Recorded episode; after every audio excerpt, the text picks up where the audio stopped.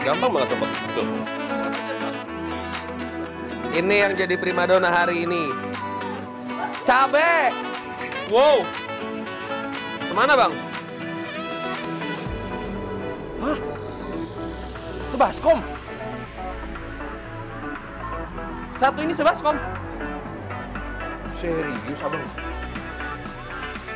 Alamak, alamak. Waduh. Kedai makanan yang satu ini selalu ramai saat siang hari. Semua pengunjung begitu bersemangat menyantap hidangan, bahkan sampai keringetan. Ya, inilah warung sop janda yang tersohor dengan singatan rasa pedasnya. Eh, lumayan ini bikin melek. Pedesnya mantep. Nah, karena dagingnya fresh ya karena dagingnya ini rasanya fresh jadi ya beda aja sama yang lain Sop janda sebenarnya adalah sop iga sapi di kawasan Cikarang, Kabupaten Bekasi.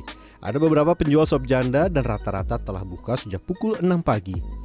Artinya, para pedagang sop ini sudah sibuk memasak sejak dini hari. Dan inilah kesibukannya. Ini saya jujur ini mata berat karena membersihkan si daging-dagingnya ini nih udah dimulai dari jam setengah tiga pagi karena jam enaman rumah makan itu sudah buka jadi pagi-pagi ada yang sarapan pakai daging gede jadi ya konsekuensinya harus siap-siap bekerja ketika orang masih tertidur pulas Sop janda mengandalkan bagian iga sapi sebagai bahan utama. Kenapa? Karena iga sapi memiliki daging yang berlimpah dan tulang yang memberikan rasa gurih pada kuahnya.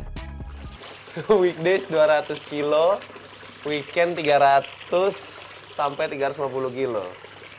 Wow, wow, wow, wow, sangat banyak. Nih, yuk. Ini Selain tekstur dan rasa, memasak iga sapi relatif lebih cepat dibanding mengolah bagian lain seperti sanung lamur ataupun kikil. Jangan lupa tambahkan daun salam bersamaan dengan bumbu halus untuk memberikan aroma yang harum sekaligus menyamarkan bau amis daging. Berapa jam bang? Setelah itu, rebus iga sapi dengan api besar hingga mendidih. Sekitar satu jam direbus, lemak dari iga sapi yang digunakan sebagai bahan dasar sop akan muncul di atas dandang. Nah, bagian lemak ini biasanya dibuang oleh penjual sop janda.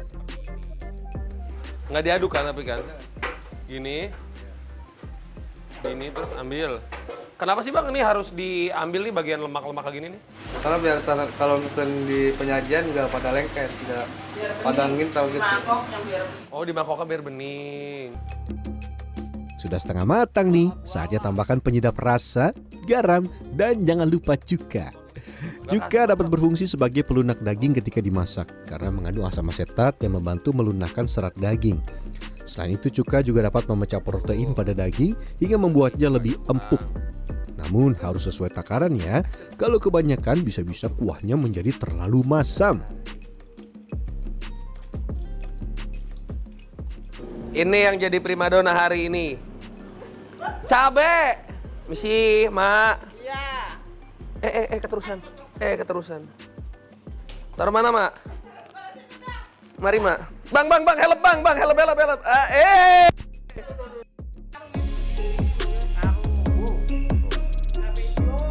Dalam sehari setidaknya 50 kg cabai hijau habis dipakai. Walau tidak jarang ketika siang menjelang ada tambahan beberapa belas kilogram cabai lagi untuk memenuhi permintaan pelanggan. Cabai ditumbuk terlebih dahulu sebelum dicampur ke dalam kuah sop iga sapi. Jangan terlalu halus ya, agar rasa pedasnya merata tanpa mengubah warna bening pada kuah yang dimasak. Wow.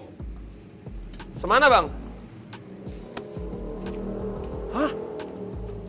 Sebaskom? Satu ini sebaskom? Serius, abang?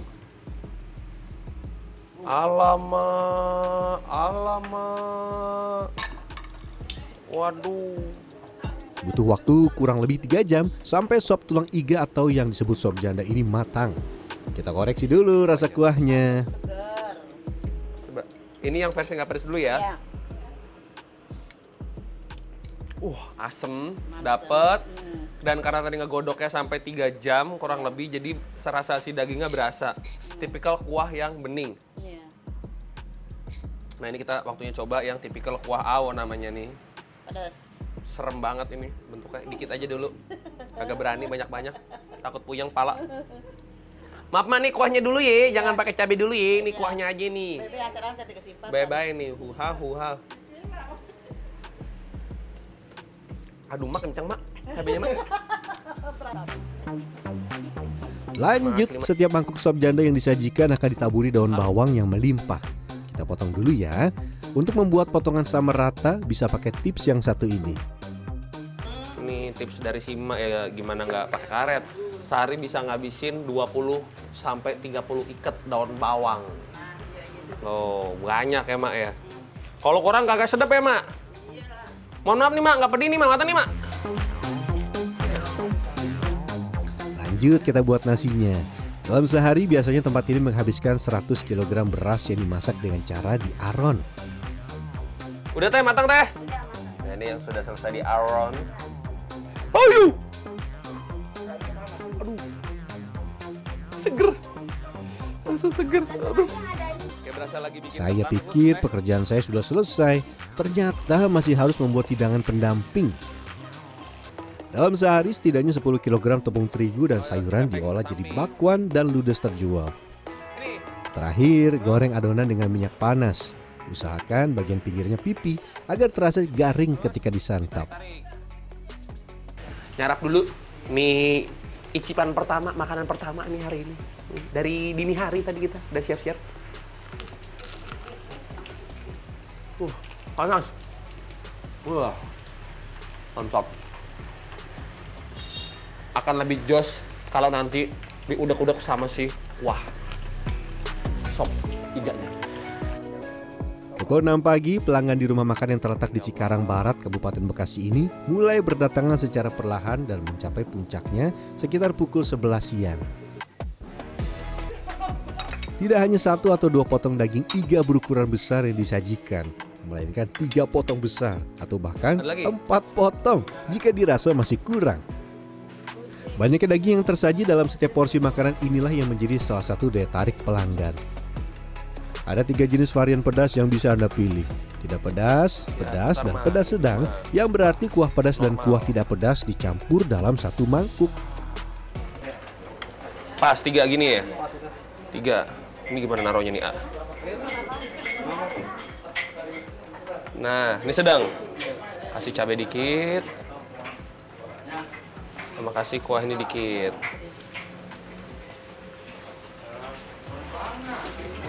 Dah, silakan bang. Oke. Ada yang pesan untuk makan di tempat, ada juga yang dibungkus. Ayo semangat, jangan sampai pelanggan menunggu terlalu lama. Ketika hari beranjak sore, jumlah pelanggan mulai berkurang seiring dengan daging iga yang hanya tersisa beberapa kilogram saja. Dan akhirnya saya dapat sejenak beristirahat untuk mencicipi masakan saya. Ini bukan karena saya yang request cabenya dibanyakin ya enggak. Memang versi yang kalau pedesnya, yang pedesnya ini segini. Kalau mau dibikin lebih banyak cabenya lagi bisa, cuman saya nyobain yang level pedesnya aja. Tapi di bawahnya pedes ada yang sedang, ada yang nggak pedes sama sekali. Kalau nggak pedes sama sekali, kuahnya dia ya nggak pakai cabai sama sekali. Dalam semangkuk sop janda versi pedas kurang lebih ada 40 sampai 50 cabai yang terhidang dengan 4 potong iga daging sapi. Wah, pedasnya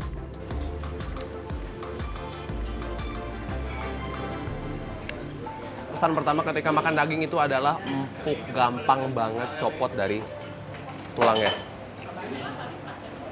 Tuh. Tapi yang saya suka, walaupun dia empuk, dia nggak dibikin berlebihan. Misalkan kayak yang di presto gitu loh, nggak. Dia tetap ada sensasi ketika dikunyah, tapi cenderung mudah ketika digigit. Nah. Tuh. Gampang copot, tapi masih ada tekstur kenyal khas dari tulang iganya.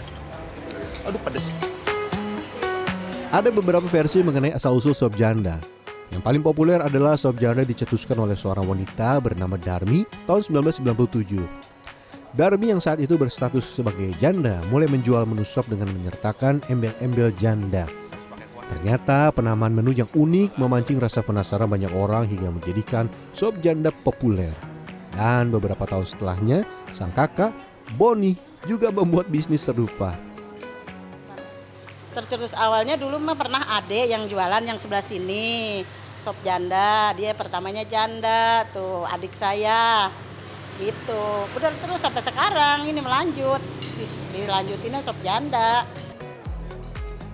Tapi apakah Anda tahu sebelum menjual sop iga sapi, ternyata rumah makan ini awalnya adalah warung nasi. pertama mah semua awal-awal buka mah. Kalau sop mah belum begitu banyak. Banyak-banyak langsung ke sini hampir udah sekitar 15 tahun lebih dah ramenya begini sop gitu udah jadi warteg udah pas rame gini warteg nggak ada Salah satu tantangan adalah ketika cabai sedang tinggi. Namun untuk menjaga kualitas, pemilik usaha sop janda tidak pernah mengurangi jumlah cabai dalam masakan. Bedanya paling dari untung, biasa agak tinggian, agak menurun sedikit, kayak gitu. Harus menantang, lebih pedas, kelihatan kan cabenya gitu. Emang itu ciri khas sop janda kita, makanya nggak bisa kita kurangi uh, cabenya. Walaupun itu cabenya mahal, tetap. Satu porsi sop janda dibanderol dengan harga Rp55.000. Kalau nasi, Rp5.000 bisa sepuasnya. Tapi kalau mau ke sini, jangan terlalu sore ya. Sebab tempat yang buka pukul 6 pagi ini sudah tutup sekitar jam 4 sore karena ludes di borong pembeli. Selamat mencicipi. Rian Fernando, Dewi Agung Yuljarto, Bekasi, Jawa Barat.